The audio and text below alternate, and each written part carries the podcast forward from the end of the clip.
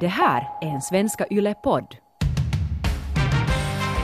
Det är skönt att semestern är över. Jag trivs bättre med kollegorna på jobbet än med en fru som verkar undvika mig. Ja, du man 50, det verkar nog som att hon försöker verkligen undvika dig. Det, det verkar inte som att ni har det riktigt bra just nu. Nåja, den lediga delen av sommaren är officiellt avklarad, åtminstone för de allra flesta av oss. Så vi är tillbaka på jobbet efter semestern. Men äh, det kan ju hända att semestern inte bara är härlig, utan den kanske till och med ställer till trubbel. Speciellt när det kommer till parrelationen. Och äh, det här ska vi ta och, och prata om idag. Hur, hur relationer riktigt mår så här efter sommarsemestern. Jag menar, jag är ju singel, så jag har inte kanske så mycket att komma med i det här fallet. Men jag menar, du Eva, du är ändå gift eh, trebarnsmor. Hur, tycker du att sommaren har löpt? Uh, ja, jag börjar så förtränga hela sommaren. Jag är så i höstmode här redan fast det nu förvisso är, är sommar lite grann ännu. Men jag, jag tycker sommaren gick ganska bra. Uh, dock måste jag nog säga att jag känner nog igen de här som säger att augusti är lite en sån här kritisk månad för, för många. Dels är det många som gifter sig och så är det ganska många relationer som faktiskt avslutas ganska dramatiskt också när man har varit ledig tillsammans och insett att nej, det här blir inte någonting. Mm. Så no, riktigt så illa har det nog aldrig varit i, i min relation men, men nu har det ibland kanske känts just så där efter sommaren att man har haft det där att var, var det allt känslan när man ska tillbaka på jobb. Men gäller det liksom sommaren överlag? Jag tänker just på parrelationen. Att hur, hur var, var, var det allt? Blir inte bättre än så här? Nej, det gäller... Fast vi har rosévin, fast vi har solnedgångar och halvnakna kroppar. No, men det är ju kanske det att man skyller på parrelationen för att det kanske inte blev riktigt som man hade tänkt sig. Att, att varför gjorde vi inte som familj det här och det här och vi skulle ju få till stranden och ha picknick och så här hit och dit. Och, uh, och då kanske man, man tar ut det över, man skyller det på karln då Fast det nu kanske inte nödvändigtvis är hans fel utan det är liksom hela den här kombinationen som inte riktigt har, har uh, funka. Mm.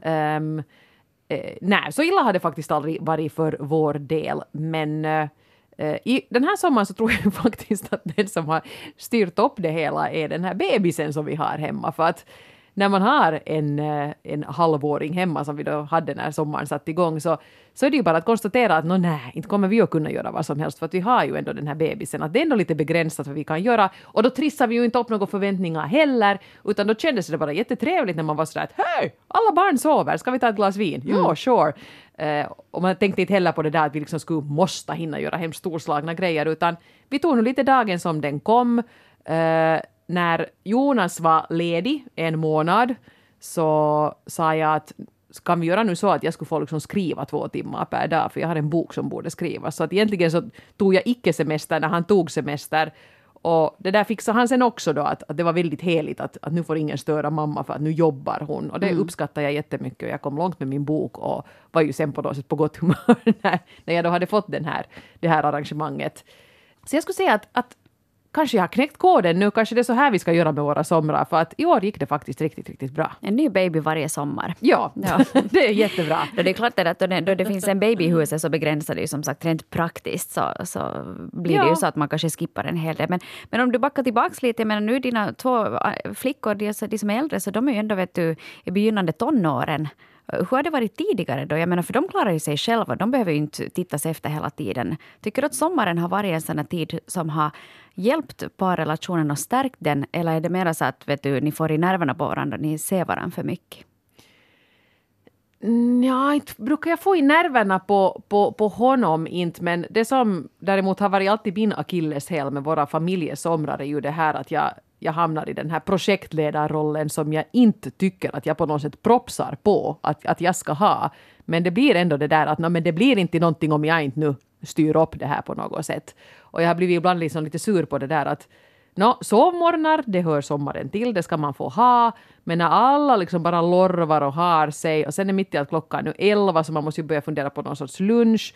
Och sen kommer det lite anklagande där någon gång klockan tre på eftermiddagen. Men att mamma, sa du inte att vi skulle göra något idag? Mm. Och, och, då är det på något sätt mitt fel att vi inte har kommit iväg någonstans. Och det har iväg någonstans. Och, och det där alltid irriterar mig så fruktansvärt mycket. Och då blir jag också sur sen på Jonas. Men varför är det jag som ska styra upp det? Varför kommer de inte till dig och säger att hallå, det är ändå han som kör bilen liksom. Så det, han behövs för alla de här fantastiska exkursionerna som, som vi något svagt tillfälle har, har lovat barnen men som sen inte riktigt blir av. Ja, och jag kan nog tänka mig också det där just att du är tillsammans hela tiden och man tillsammans ska planera den där dagen. För annars är det ju skola och jobb som fyller dagarna ändå till största delen. Så det blir en struktur automatiskt ja, på det. Men sen att du har liksom då fast eh, fyra veckor tid tillsammans så då någon måste styra upp någonting och då kan mm. ju den arbetsfördelningen bli lite lite ojämn. Men här måste jag nog också i samma andetag ta och credda mina föräldrar lite för att de är jättebra på det här med att jag styr upp saker. Det är genetiskt. Min mamma är också väldigt bra på att styra upp saker och hon är sen sådär att hon säger att ska vi imorgon fara till Ekenäs? Och då är det liksom bestämt och då får jag och, och så många barn som nu ryms i bilen på den där utflykten. Jonas blir helt gärna hemma och det tycker jag också är en, en bra grej att vi behöver ju inte liksom färdas hela klanen hela tiden, alla tillsammans för att det ska funka, utan det går bra att dela på sig. Och då får han pynja med sitt hemma och vi pynjar med vårt på, på vårt håll och, och alla är ganska nöjda sen på kvällen. Mm. Och då tar man fram rosévin. Ja, sen är, så är det bra, det är bra liksom stämning från början sen ja. då, då man sätter sig Det är det på, som är hemligheten. Varsågoda, ja. mitt konsultarvode, jag skickar faktura. Uh, det är ju dock inte alla som har det precis lika harmoniskt, Eva, som, som du och, och, och ni har det. Och på svenska.yle.fi, på vår webbplats där, så, så läste jag här lite tidigare, för någon vecka sedan, så kom det ut en artikel som uh, talar om just det här med att uh, efter semestrarna så fylls familjerådgivningen eh, av människor eller par som vill skilja sig efter semestern. Och enligt Statistikcentralen så toppar faktiskt augusti tabellen för skilsmässor. Och I den här artikeln så, så kan man höra Karina Borg som är ledande psykolog vid familjerådgivningen i Vasa. Och hon säger just att de här förväntningarna inför semestern och den gemensamma semestertiden kan vara just droppen som får bägaren att rinna över. Man kanske har för mycket förväntningar och sen mm. i praktiken så är det svårt liksom att ja, att liksom förverkliga det här. Och, och, man kanske märker också de här bristerna i relationen på ett annat sätt då man eh, umgås så pass intensivt. Ja, jag måste nog säga att, att jag har varit där väldigt ofta, speciellt med det här med förväntningar. Att fast man, jag nu tycker att jag är en hyfsat förståndig människa, så på något sätt trissar man upp någon sån här här drömscenario att nu ska barnen ha en riktigt sån här saltkråkan sommar och springa omkring i små knäbyxor på soliga klippor och, och jag ska bara stå och, och laga köttbullar i en liten vit rutig klänning. Mm. och så blir det ju obviously inte så.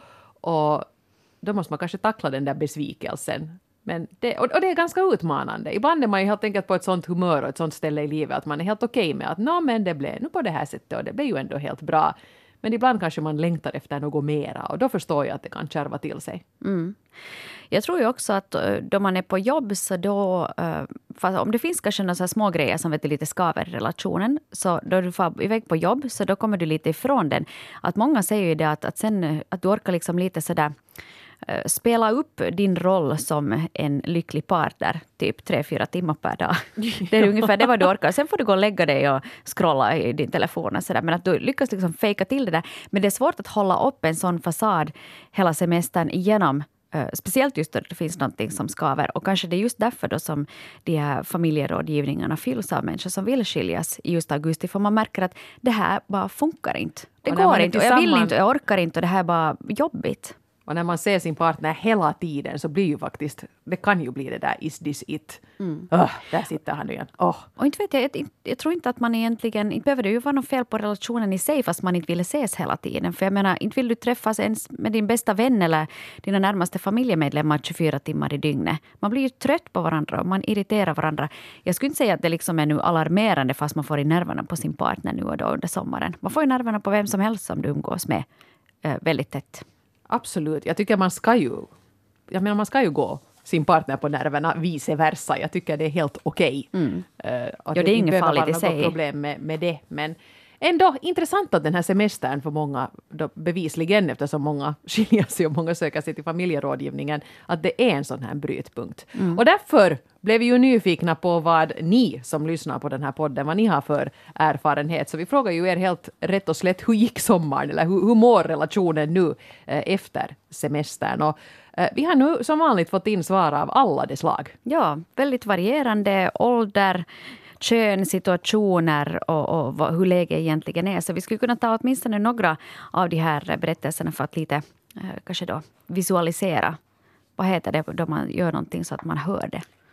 Hörarisera eh, de här. Illustrera. Illustrera. Jag tycker det går bra det här. Det är bra. Titta ju på de flera långa roliga verb här. Hej, här kommer ett brev från signaturen eh, MCR kvinna 30. Hon skriver så här. Vi blir bättre för varje år att hantera hela semestern och förväntningarna. I år så har vi hållit ribban lågt, rest så lite som möjligt och bara levt det vanliga vardagslivet med småbarn med mera. Och det har funkat. Vi är mera utvilade, mindre irriterade och har liksom kunnat njuta mer av tiden och sommaren utan att hela tiden känna pressen över att vi ska göra en det ena och en det andra. Vi hann ladda batterierna och vara tillsammans, grilla, dricka en öl, sitta i kvällssolen, leka med barnen och kattungarna. Vi hann också ut på Raitantajtan två gånger under hans semester, så vi är mer än nöjda. Lite tumistid och mycket familjetid. Och han var ledig fyra veckor mellan maj och juli, som mest bara två veckor i sträck. För oss var det guld att han tog ut semester lite nu och då. Det passar oss och vår livssituation bättre än fyra veckor i ett kör.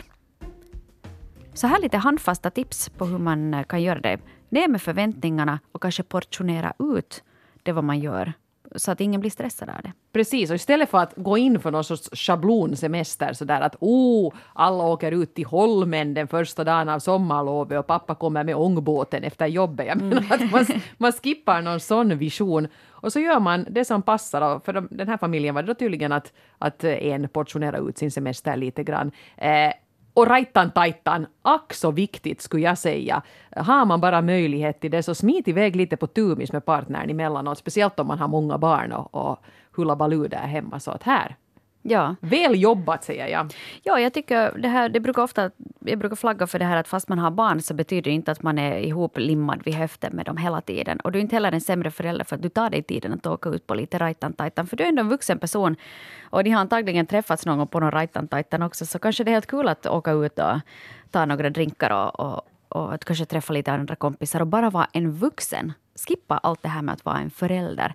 Så det är härligt. Sen kanske du har någon mor eller farförälder som kan ta, stiga upp med barnen nästa morgon. Eller, eller sova på hotell. Det hade jag några kompisar som gjorde också. De får på fest och sen hade de bokat hotell och så var det överenskommet att vi kommer hem fyra nästa dag.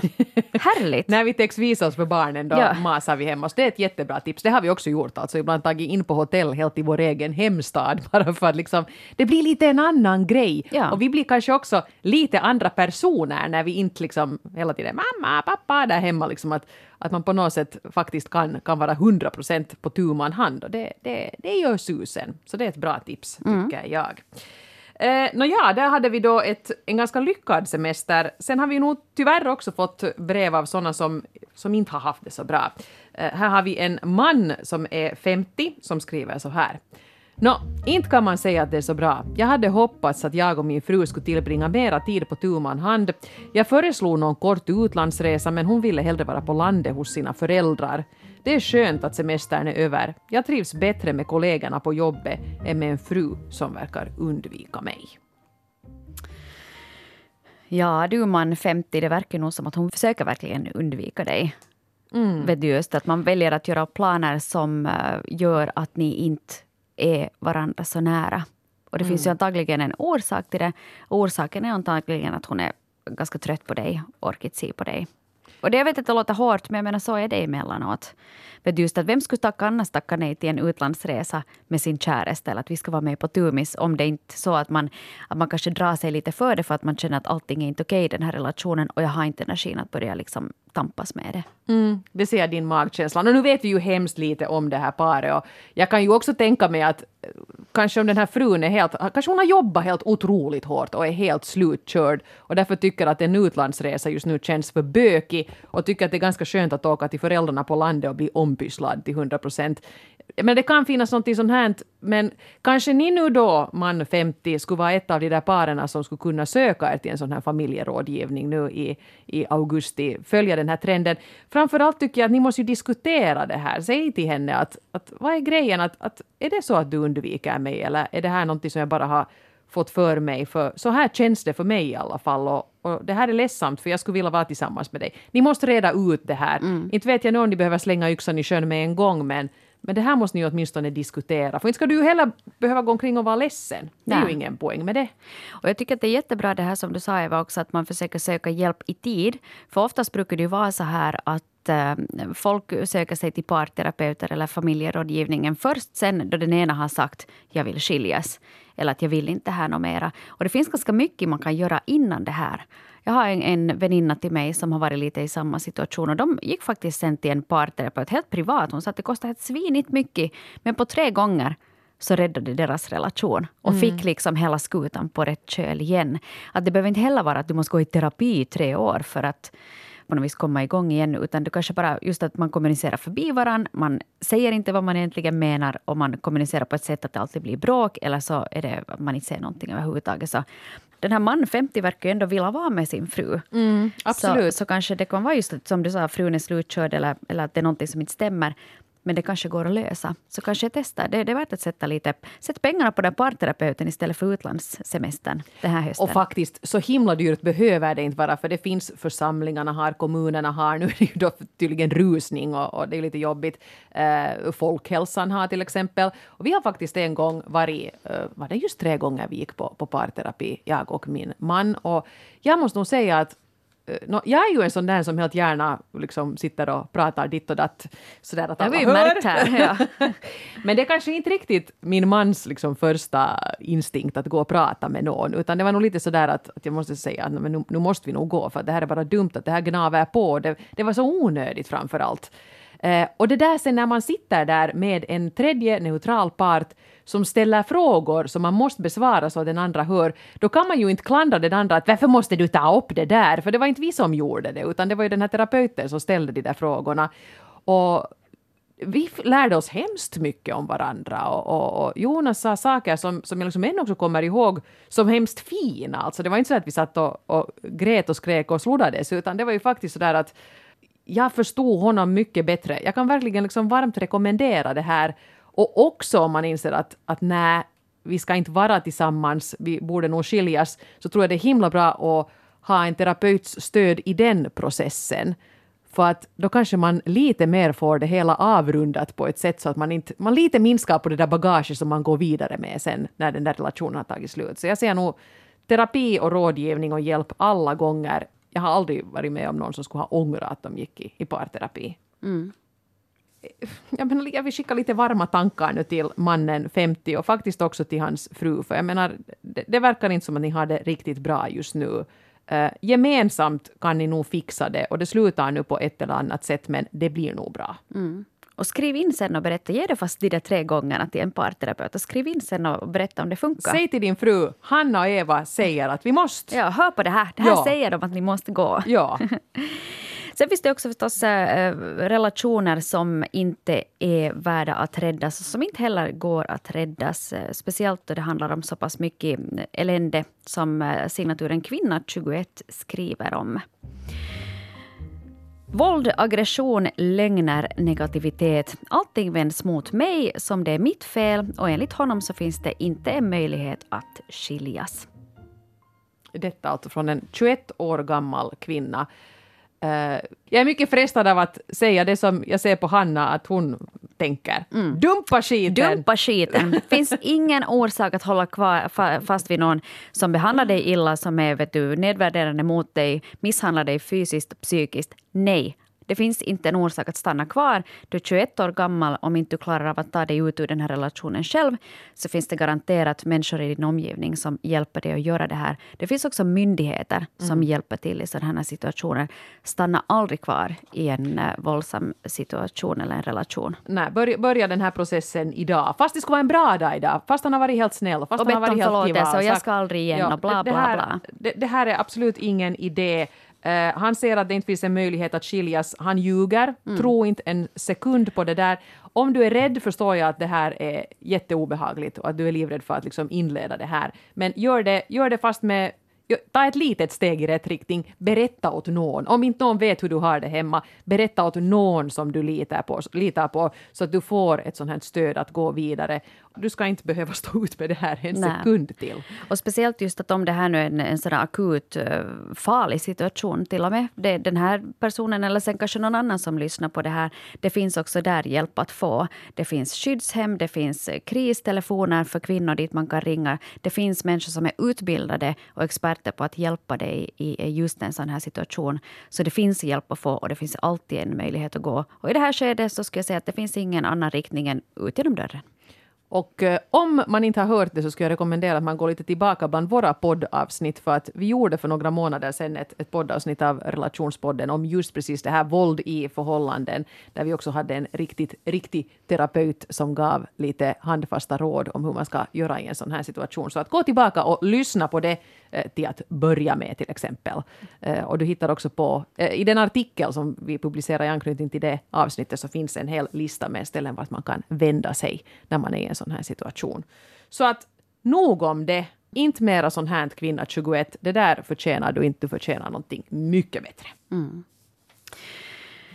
Vi ska ta och gå vidare här i, i vår brevskörd. Vi frågar alltså hur relationen mår så här eh, efter sommaren och efter semestern. Och här har jag ett brev som mamma 30 har skrivit in som eh, har en liten sån här filis av att ganska många kan känna igen sig i faktiskt. Oh ja.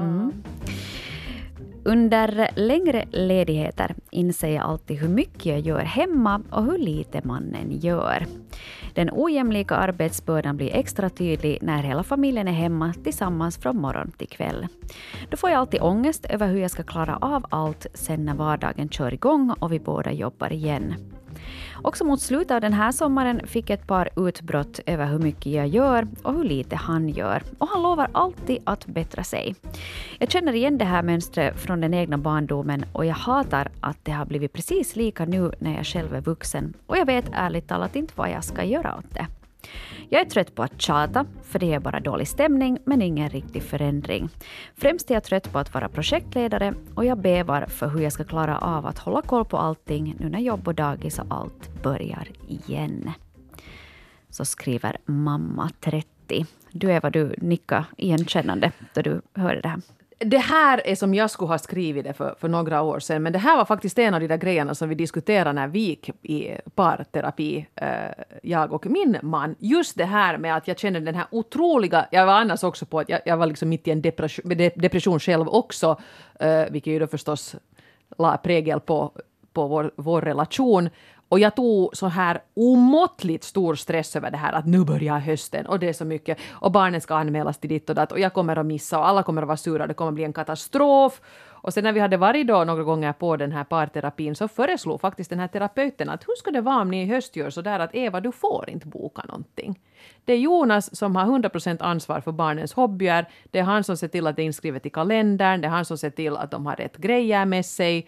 Skriver in då att jaha, det är inte dans den här veckan. Obs, simhallen stängd. Det är han som har koll på allt det där, anmälan och allt. Ja, sa Jonas, nu kan jag göra det. Och så var det med det. Han skötte det hela Och han hösten. gjorde det också, för jag tror att många kvinnor inte vågar släppa ifrån sig det där Han ansvaret. gjorde det prickfritt. Just det. Mm. Och det Bra. var sådär att oj nej, det var ju där man borde anmäla sig till simskolan. Han var så att ja, men jag anmälde dem. Ja. Klockan 08.00 så anmälde Ja. jag till Ja, simskolan. jag satt, jag satt telefonen och ringde och jag anmälde dem. Att, han blev det sådär orolig att eh, har jag gjort fel? Och jag var så att, nej du har gjort rätt, I love you. Mm. Men det där tror jag nog eh, faktiskt att många kvinnor också får uh, se sig i spegeln lite med. Att vi tror på något vis att mannen kan rimligtvis inte fixa det här lika bra som jag gör det. Och därför kanske man antar då det alla de här uppgifterna och sen så börjar man martyrera då det blir för mycket och man orkar inte. Och där har vi till exempel då Jonas som ett lysande exempel att fast han inte är den som står och viftar med att hej jag är expert på att anmäla barnen till hobbyer så är han fullt kapabel att hålla reda på datum, tid, fylla i anmälningsblanketter och betala avgiften. Alltså och du fick ta det lugnt. mer kapabel, för han är hemskt organiserad medan jag är lite all over the place. Så jag är egentligen helt olämpad för att vara den här som ska ha den här hundraprocentiga projektledarrollen. Så det här kan jag rekommendera varmt. Om man inte vill gå till en terapeut, så ha ett litet möte med familjen AB har bolagsstämma. Och ni sätter er ner och så föreslår du till din man att ska vi snälla göra så i höst att du tar allt det här. Att vi behöver liksom inte dela upp hela liksom nu vem gör vad i hemmet men det här stressar mig så otroligt mycket. Kan du ta det och jag lovar att inte gräla på dig om du missar någonting men att du skulle ha det här ansvaret, punkt slut. Eller åtminstone att man väldigt tydligt delar upp det före det sen är liksom tilanne på. Liksom. Mm. Att jaha, nu kommer de där datumen utan du sköter det här och det här och det här. Och kvinnor, ni som tror att ni är de enda som kan göra sånt här, inse att det inte är så. Ja. Och jag måste också faktiskt ta och skicka en liten hälsning också till alla ni män som, som lyssnar på den här podden. Att bara för att din kvinna gör allt det här och gör det bra och se till att allting funkar och fixar. Det är gumpar och det är regnbyxor och det är simskolan är fixad. Allt, picknickmaten är med, allting funkar. Det ger inte ett frikort för att bara ligga på soffan och inte göra någonting själv. Att vad om du skulle kanske någon gång innan hon börjar tjata erbjuda dig att hej men jag tar nu fast ikväll och fixar allt vad barnen ska ha med sig imorgon. Så allting är packat och klart på kvällen då vi går och lägger oss. Eller vad om jag tar nu i år och gör det här och det här och det här. Mm. Att du verkar alltid så stressad när det blir tal om det här. Att, vad om jag skulle ta det nu? Var så lite lyhörd och gör ja. inte det här. Gör inte att du i efterhand, när hon redan är helt stressad, och säger att hej! Jag har både klippt gräset och fört bilen på besiktning. Ja. Så vi är helt jättejämt. Ja. Nej, ni är inte! Att föra bilen på besiktning är superlätt. Du kör in, kör in den och så parkerar den och så dricker du kaffe i 20 minuter och så kör du den därifrån. Ja. Betalar. Hej då. Och så kan du påstå att du har gjort en bragd. Ja. Men det har du inte. Nej, men jag tror, och det här handlar just också om kommunikation. Och sen också eh, speciellt duktiga flickor som har en tendens att, att vet du, ta över hela mm. projektledarskapet. Du behöver inte göra det. Det är ändå liksom en överenskommelse i någon form att, att vara tillsammans. Så, och speciellt när du har små barn så det är stressigt ändå. Mm. Så, så försök att hjälpas åt istället för att det blir till det här tjat och gnällträsket. Ja, precis. Släpp det där med det blir nog bäst om jag gör det själv. Och låt någon annan göra det. Och det blir nog säkert helt tillräckligt bra. Mm. Vi hinner ännu med en, eller ett brev här som, som jag tycker att känns uppfriskande. Och, och, man brukar ofta säga så här att då, då man är kär, då man är ihop och då man älskar varandra så ska man hela tiden vara tillsammans. Att annars är det något fel. Men eh, det här eh, brevet som kommer från kvinna 23 bevisar att det faktiskt inte är fallet. Sommar betyder att vi ofta befinner oss på olika platser och det känns befriande och skönt att vara ensam och bo ifrån partnern. Eh, dock blir jag väldigt lat när jag inte umgås med sambon som man ju så gärna vill göra allt med, men det kanske gör att man sen orkar eh, bo så nära varandra. Jag brukar säga till alla par att vara ifrån varandra en längre tid kan vara den bästa medicinen för att väcka kärleken och passionen igen. Det är så härligt och underbart att träffas igen efter att man har hunnit börja sakna den andra. Ja, precis. Och det här är lite för att backa tillbaka till det vi talade tidigare om att man vill ju inte vara med någon människa överhuvudtaget hela tiden. Och bara för att du tycker att din partner är en superhärlig människa så behöver man inte just bara gå hand i hand genom hela livet, hela tiden. Vissa par gör det, men många har också behov av att vara i fred. Och det verkar som att den här kvinnan också tycker att det är kul att jag vill göra egna grejer på sommaren. Jag får träffa mina kompisar. Jag behöver inte alltid ta med honom på allting. Mm. För, för det här är också samma, att, samma som att du har en partner eller du har barn. Det betyder inte att du som din egna person försvinner någonstans. Och man måste också liksom vattna den lilla krukan Sådär att hej, här är jag i min blomkruka. Nu ska jag ge mig själv lite vatten så jag kan blomstra lite mera igen. Och det här betyder ju förstås att man har en ganska stabil och trygg grund att stå på i den här relationen. Om det finns minsta lilla frö till svartsjuka till exempel så kan det här ju vara dödfött. Att man liksom, nu får han på någon semester här med ja. killarna. Att vad händer nu där Eller han är taggad i någon bild på Somme och så säger du att vad han sitter nära den där blondinen ja, där på grillfesten. Vem är det där? Ja. Och så börjar du gå in och stalka att vet du. Ja. ja, så det går, funkar inte heller. Nej, men, men ibland så här mogen som den här 23-åriga kvinnan här är så, så är det här ju nog faktiskt ett jättebra koncept. Ja, och vi har talat om det tidigare också, då vi har talat om parrelationer, att det här med att man, att man är lite bjussig och att man ger varandra egen tid. Man ger varandra möjligheten att förverkliga sig själv, få lite återhämtning. Så det det gör nog att, att personen ifrån, alla, alla mår bättre av det. Att fast det kanske känns lite jobbigt att okay, jag har nu måste fara med barnet till simskolan idag. Men då vet du att du kommer hem till en glad partner som har fått ligga på soffan då och göra vad den vill eller få träffa någon kompis. Så blir det mycket trevligare i längden. Så att vara lite bjussig mm. där också och, och liksom ge varandra. Att bli inte den där kyttaren. Ingen vill vara ihop med en kyttare. Nej, det vill man verkligen inte. Och jag måste säga, det som nu kanske gjorde min sommar var ju det här att vi, vi delade upp morgnarna. För man har en bebis, han sover inte hur länge som helst på morgnarna, men man fick sova varannan morgon och det var ju helt ljuvligt. Ja, men precis. Det där är ju, jag menar 50-50, så turas man om. Ja, Ja. precis. Stort tack till er, kära vänner, för att ni har skrivit in än en gång på svenska.yle.fi. Där finns eh, berättelser samlade, flera också än de som vi har med nu. Så klicka in dig där och läs mera om hur folks eh, relationer mår på sommaren. Och där finns också eh, material kring just det här med familjerådgivningar, hur man kan gå tillväga för att få lite hjälp ifall det känns att det är lite trögt i parrelationen. Och kommunikation framför allt. Och kanske tre besök till parterapeuten om det är kris. Ställer i den där kön. Det Ja. kan kanske ta en tid att få, få en tid nu så här års, men det är nog värt det, skulle jag säga. Det är min erfarenhet, att det absolut är värt det.